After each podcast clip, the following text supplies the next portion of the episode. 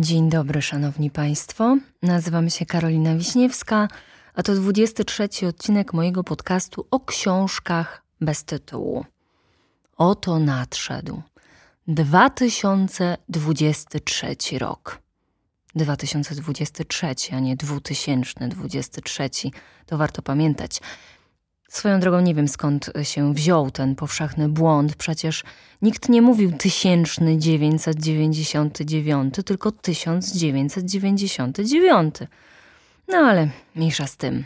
Od błędów językowych przecież jeszcze nikt nie umarł. Mm, w ogóle to mam déjà vu e, i zanim zaczęłam pisać scenariusz dzisiejszego odcinka, musiałam odsłuchać odcinek sprzed roku. Pierwszy odcinek z roku 2022 żeby w tym noworocznym ferworze, w tym hura optymizmie wśród tych dobiegających do nas zewsząd nowy rok, nowa ja, nie powtórzyć czegoś, co mówiłam rok temu. Na szczęście rok temu pierwszy odcinek wjechał dopiero w lutym, więc nie było żadnych utartych frazesów. Także w tym roku mogą być. Nowy rok to czas po pierwsze podsumowań, które czasem mogą być bardzo dołujące, bo zauważyłam, że ludzie zamiast mówić, co im się udało, co osiągnęli, skupiają się na tym, czego nie zdołali osiągnąć mm, i co im się nie udało, gdzie ponieśli klęskę. A po drugie, nowy rok mm, to zawsze czas tych e, postanowień. Ja raczej nie płynę z prądem tych oczekiwań społecznych i nie robię list typu schudnę 5 kilogramów, będę wstawać o 6 rano, przebiegnę trzy maratony i codziennie będę medytować. Nie, na mnie działa to wręcz odwrotnie. Mam wrażenie, że nakładam na siebie jakieś obowiązki i to mnie przytłacza. E, a jak ponoszę porażkę, to wyrzuty sumienia ranią mnie do żywego. Także u mnie nie tędy droga.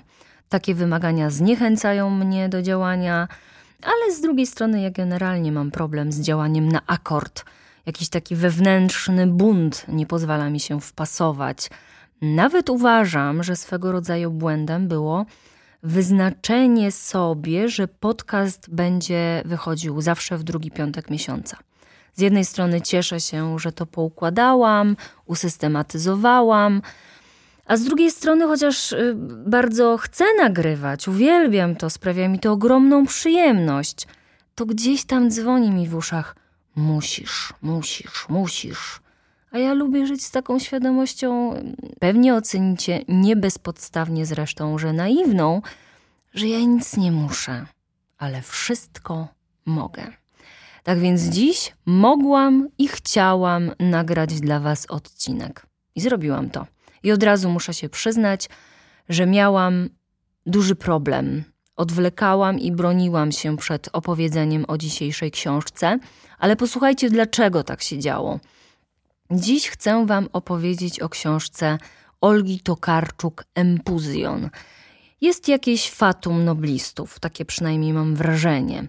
Otwartym pozostaje pytanie, czy to z obawy przed niezrozumieniem, czy też swego rodzaju uraz psychiczny po tym, jak katowano nas w szkole dziełami noblistów.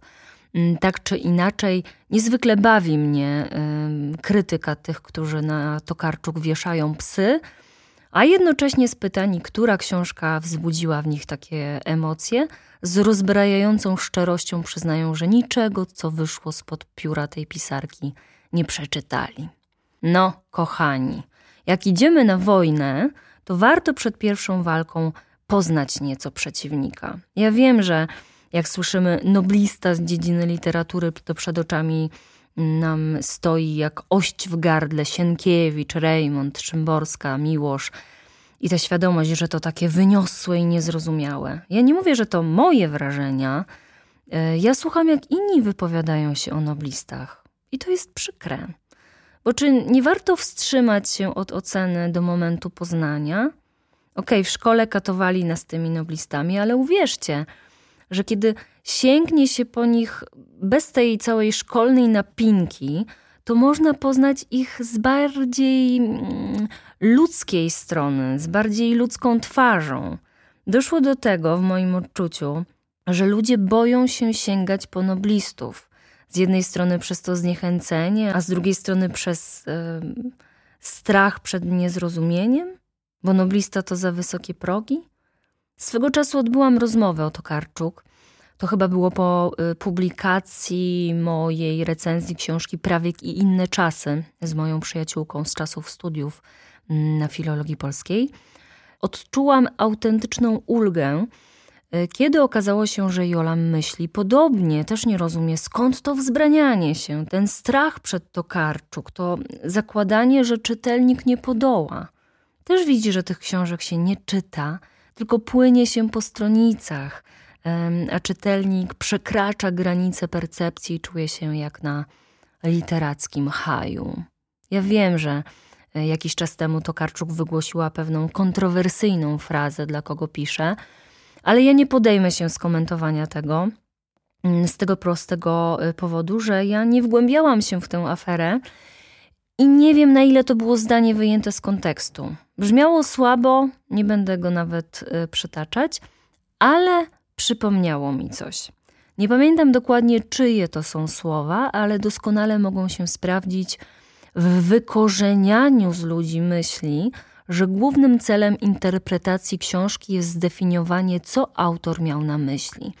To oczywiście nie jest nasza wina, bo tak nas uczono w szkole, ale posłuchajcie tego. Książka po wydaniu przestaje być własnością autora. Nie w sensie materialnym, ale właśnie w sensie interpretacyjnym. Po wydaniu historia, tak, hmm, historia jest tu lepszym słowem. Po wydaniu książka w sensie historia w niej zawarta staje się własnością czytelnika.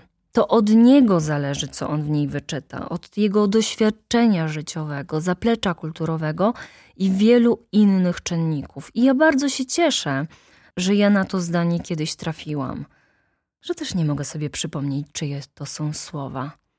No nieważne. W każdym razie przy przygotowywaniu odcinka o empuzjonie te słowa były dla mnie bardzo ważne. Dlaczego? Ano dlatego, że podczas lektury pomyślałam sobie, jakim kunsztem trzeba się wykazać, żeby napisać książkę o kobietach, uwaga, spoiler, uśmiercając jedyną kobietę na początku.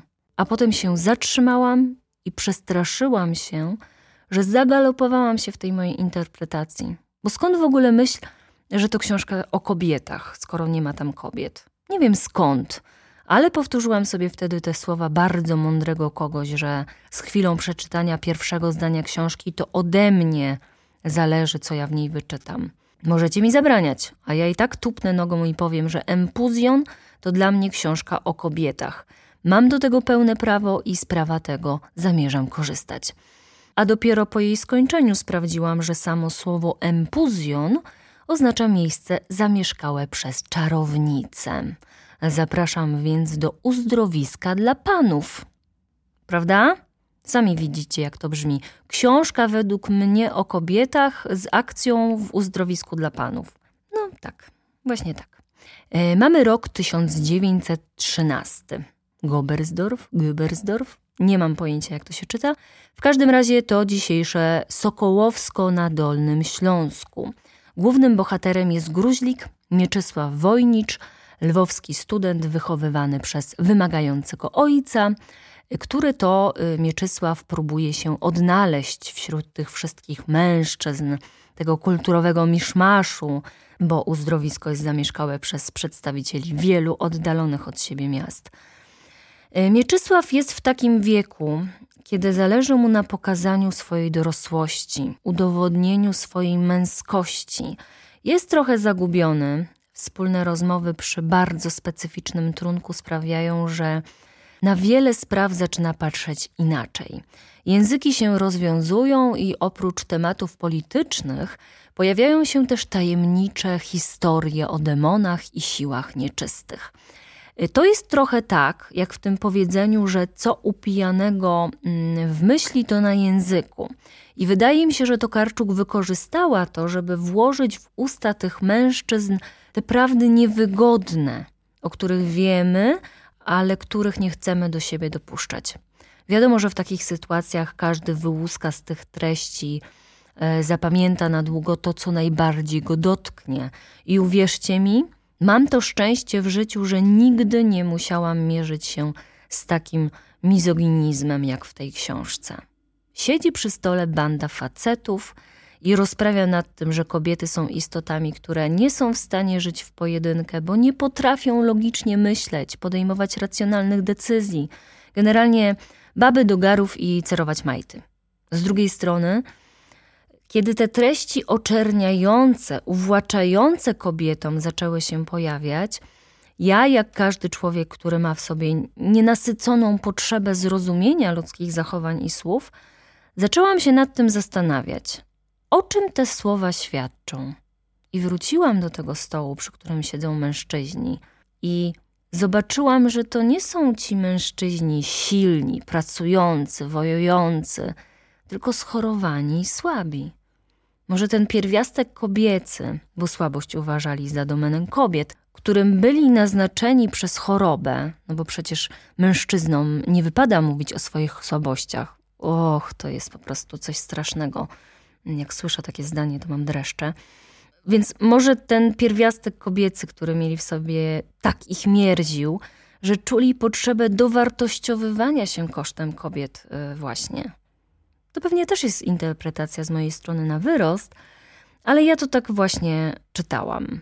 I wracając jeszcze do tej męskiej słabości, szczerze, dla mnie osobiście, nie ma nic bardziej męskiego niż umiejętność pokazywania swoich emocji. Mężczyzna to nie musi być skała. Mężczyzna ma prawo do słabości, ma prawo do łez i ma prawo do uczuć, a przede wszystkim ma prawo do wsparcia. Tak, to taka moja dygresja. Oczywiście im dalej w fabułę, tym więcej tajemnic, zaskoczeń, aura robi się pełna grozy. Trochę się nawet w pewnej chwili mm, odkleiłam, bo to nie do końca mój klimat i skupiałam się na tych przyziemnych sprawach, jak wątek homoseksualny, czy y, też nie chciałabym za dużo powiedzieć. Tajemnica naszego Mieczysława, ale ja czytając książki to Karczuk cieszę się każdym zdaniem. Mogłabym jeszcze o wielu moich fabularnych spostrzeżeniach powiedzieć, ale to nie o to chodzi. Natomiast bardzo zależy mi na tym, żeby powiedzieć o niezwykłej plastyczności w książkach Tokarczuk. Ona czaruje słowem, prostym słowem, ale tych prostych słów używa do skonstruowania tak wyjątkowych zdań, że człowiek się nimi otula. Dla mnie ten sposób budowania zdań to jest niedościgniony wzór to jest lekkie. I tu mówię o aspekcie językowym, nie o historii, bo ta w Empuzjonie jest akurat dość ciężka. Wiecie, jak ja czytam to Karczuk? Uważnie. Delektuję się każdym słowem, zdaniem i ich konstrukcjami. Spytacie mnie, na czym polega fenomen tej pisarki? Dla mnie to prostota. Wydawać by się mogło, że noblistka używa wyszukanych, trudno zrozumiałych słów. Tymczasem godne uwagi jest to, że słowa proste – potrafi skomponować w taki sposób, że po jej tekstach się płynie. Bez wątpienia te chwile, kiedy czytam Olgę Tokarczuk, mogę nazwać drogą rozwoju literackiego, obserwacją kapitalnego warsztatu i nieszablonowej stylistyki. Ale pamiętajmy, że nie to ładne, co ładne, a co się komu podoba. Uwielbiam to mówić. Mnie się podoba, wam nie musi. Cieszę się, że się zmierzyłam z Tokarczuk – Mam jeszcze kilka takich książek, z którymi mam e, obawy się tutaj zmierzyć, bo są bardzo ważne, trudne i mam obawy, że wyciągnęłam z nich wnioski niepopularne i być może przez niektórych mogłyby być uznane za niewłaściwe. E, ktoś mógłby mnie posądzić o niedostrzeżenie istoty tej historii, ale jak już zaznaczyłam na początku, każdy ma prawo wyczytywać z książek to, co akurat wyczytuje. Tak, Usłyszałam siebie, jak to zabrzmiało. Trudno, musi tak zostać. Będę zmierzać ku końcowi. Serdecznie dziękuję moim patronom, serdecznie dziękuję wszystkim, którzy postanowili wesprzeć mnie na Buy Coffee. Dzięki Wam to miejsce i ja przede wszystkim mamy szansę na rozwój. Każdy, kto chciałby wejść ze mną w dyskusję literacką, niech zapisze sobie adres mailowy kontakt małpa.karowiśniewska.pl chętnie przeczytam i jeszcze chętniej odpiszę. A dzisiaj już pozostaje mi tylko pożegnanie i ściśnięcie Was w pasie. Wszystkiego najlepszego.